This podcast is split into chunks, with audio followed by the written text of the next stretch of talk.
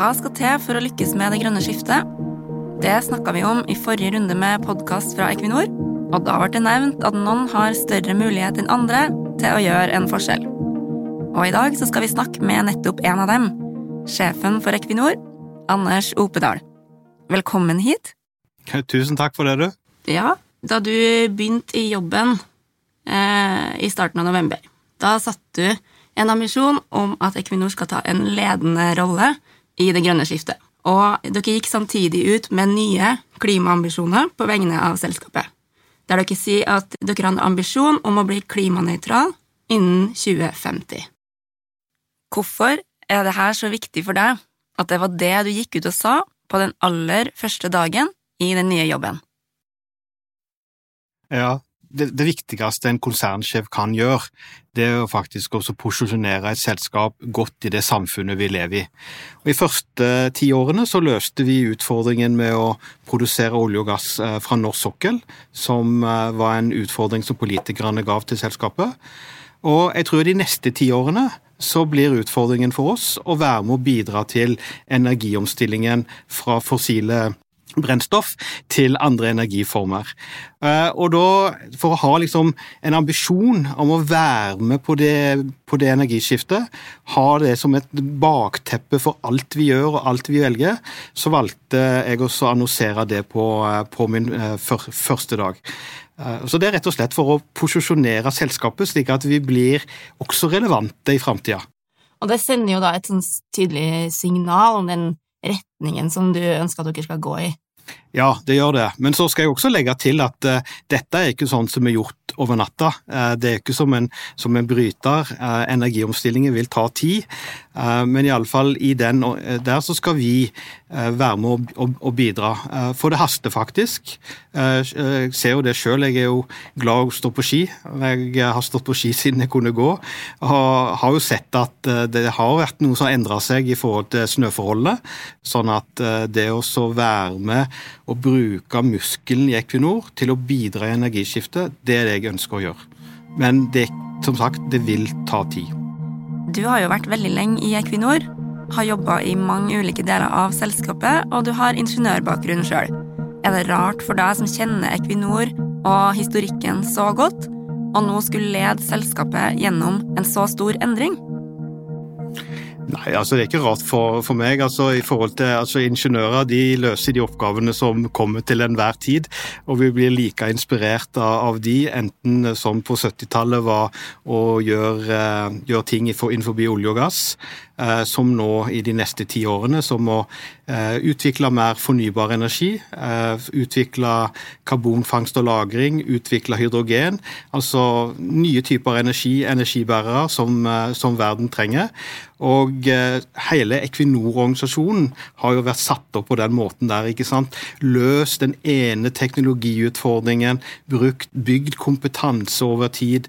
Eh, og det er den muskelen, den industrielle muskelen i Equinor, den teknologikompetansen, alle de fantastiske medarbeiderne i Equinor, hvis vi alle sammen jobber i forhold til å redusere utslippene fra olje og gass, bygge mer fornybar, og samtidig også utvikle karbonfangst og -lagring og hydrogen som kommersielle produkter, så bidrar vi til energiomstillingen. Vi kan ikke gjøre alt. Men det som jeg har tenkt mye på, det er det, hva er det Equinor kan bidra med? Hva er det dette selskapet har kompetanse og erfaring? Og så bruker vi det aktivt. Så gjør vi eh, vår del. Og så er det veldig mange andre som også må bidra. Og så håper jeg at mange bekker små gjør ei stor råd, at vi eh, oppnår det som, som, egentlig vi har satt oss som mål, da, eh, som er kjernen i, um, i, i Parisavtalen. At vi blir klimanøytrale i 2050. Og, og, når verden har det som mål, så er det jo klart at vi som selskap må også ha det som en ambisjon. Hvordan tenker du rundt de som på en måte sier at ja, vi anerkjenner det som Equinor sier, de, de endringene man ønsker å gjøre, og de nye områdene man går inn i, det er veldig bra, men det hjelper ikke når man fortsatt også sitter og trykker på på, på den tradisjonelle virksomheten. Ja, eh, jeg skjønner jo at eh, mange kan være skeptiske til det vi, eh, til det vi gjør. Og derfor er det viktig at vi Altså, vi må vise over tid at vi faktisk gjør en, en, en omstilling. Dette er ikke gjort over natta. Dette tar, dette tar, tid. Det vil fortsatt være behov for olje og gass i mange tiår framover, selv om vi vet at behovet går ned. Derfor har vi sagt at det viktigste vi kan gjøre nå, i, i første omgang, det å ta ansvaret for egne utslipp. Uh, og så ser vi at mange typer industrier vil ha problemer med å fjerne sin CO2, blant annet stålindustri, sementindustri eh, osv. Derfor så har vi jo da gått eh, i bresjen sammen med regjeringen, eh, Total og Shell, og så utvikla prosjektet Langskip, og vår del heter Northern Lights, som går på selve, selve det at eh, når vi er ferdig med det prosjektet om et par år, så kan vi reise rundt med noen skip i Europa, plukke opp Eh, CO2 fra ulike bedrifter, seile det til Øygarden på Vestlandet, og så pumpe det ned eh, i Nordsjøen for permanent lagring.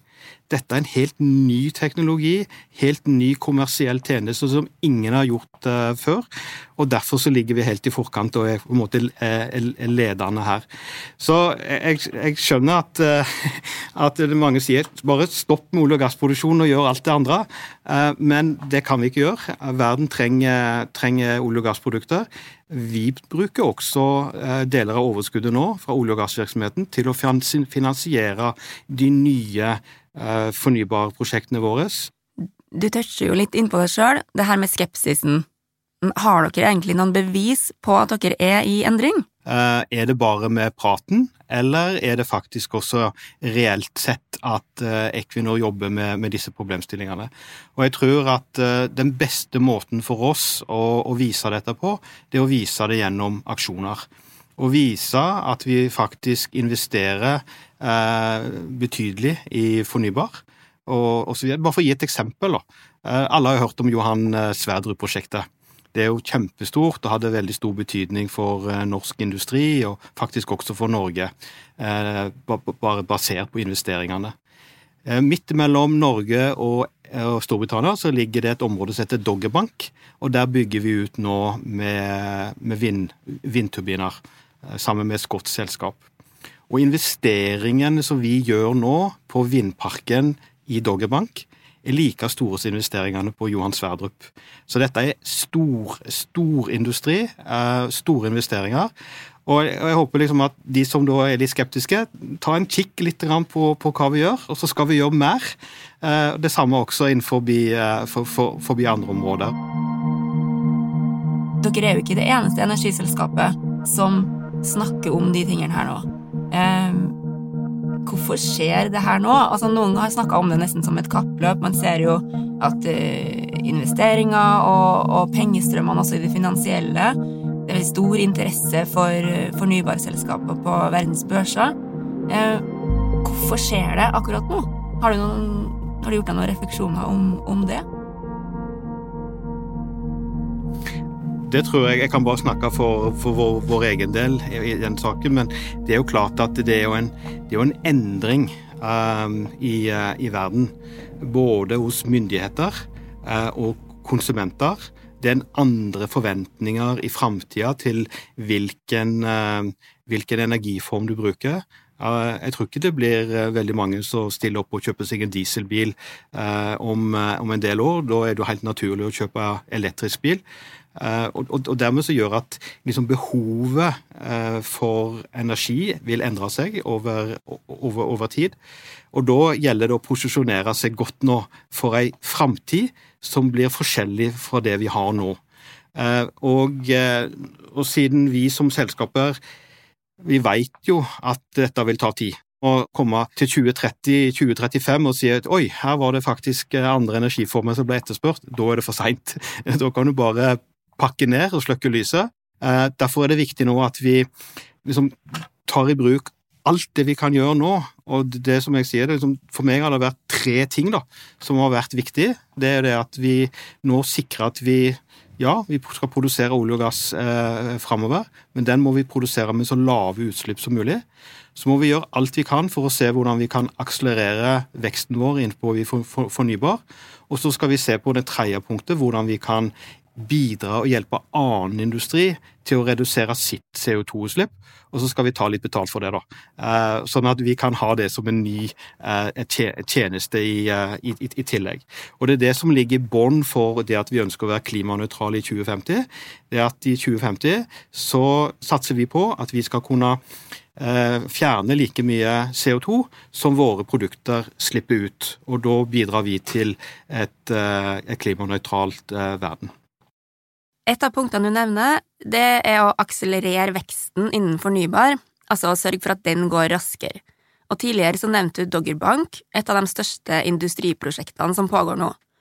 Og så vidt så jeg har skjønt, så, så vil de vindturbinene forsyne fem millioner husstander i Storbritannia med kraft? Ja, og så er dette et område som kommer til å utvikle seg eh, videre over tid. Det kommer til å bli tildelt flere lisenser der, så, så dette kommer til å bli veldig stort. Vi er midt inne i midt inne i dette nå og eh, ønsker å, e, ekspandere.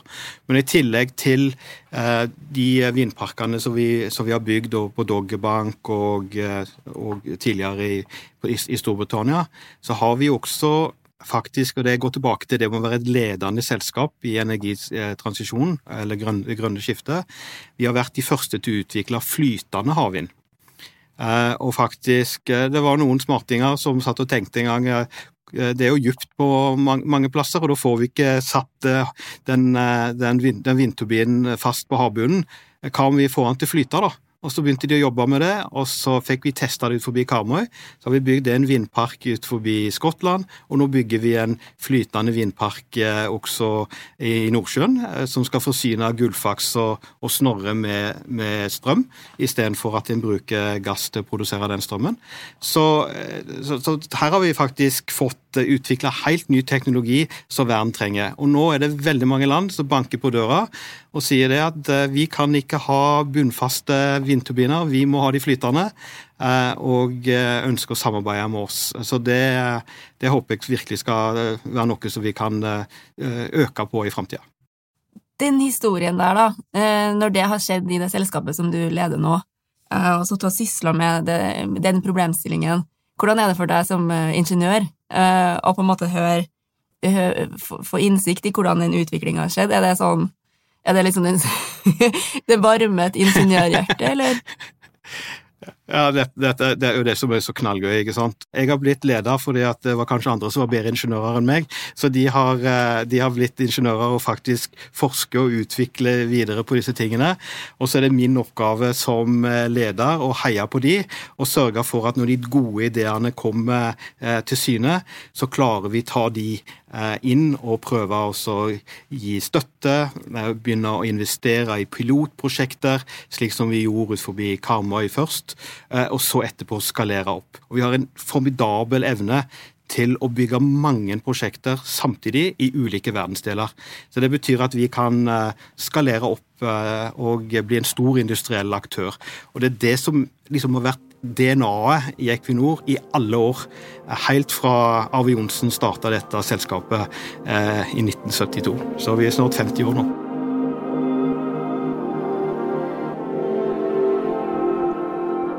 Jeg håper at de som er litt skeptiske, kan ta en kikk på hva vi gjør. Det sier Anders Opedal, konsernsjef i Equinor. Og denne våren er det nettopp det Equinor inviterer deg til å gjøre. Hvordan utslippene fra olje og gass skal tas ned, og hva vi skal leve av i et lavutslippssamfunn. Det blir tema når vi kommer tilbake med mer podkast i april og mai. Takk for at du hørte på.